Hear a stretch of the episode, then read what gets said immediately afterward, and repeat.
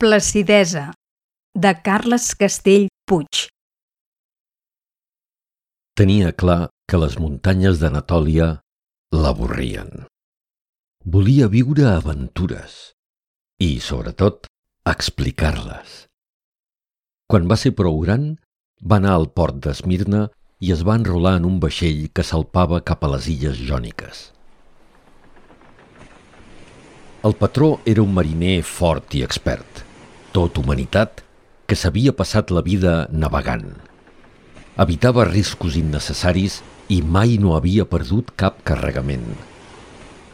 Als vespres li agradava compartir les àmfores de vi amb la tripulació i entonar càntics d'enyorança de la seva terra.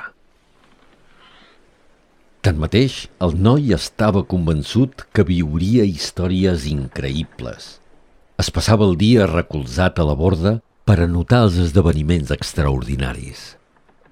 Però transcorrien els dies i badallava veient illes i més illes sense cap atractiu. Per matar el tedi, ideava coves habitades per monstres contrafets devoradors d'homes o descrivia l'udol del vent com un cant femení que hipnotitzava els mariners. Van arribar a Ítaca sense patir ni una dèbil tempesta. El patró el va tostar a l'espatlla i li va desitjar sort. Gràcies, Odisseu. Em farà falta. Deixa volar la imaginació, Homer, va dir-li mentre abraçava la dona i el fill. Posa-hi déus i herois i una guerra llarga i cruenta.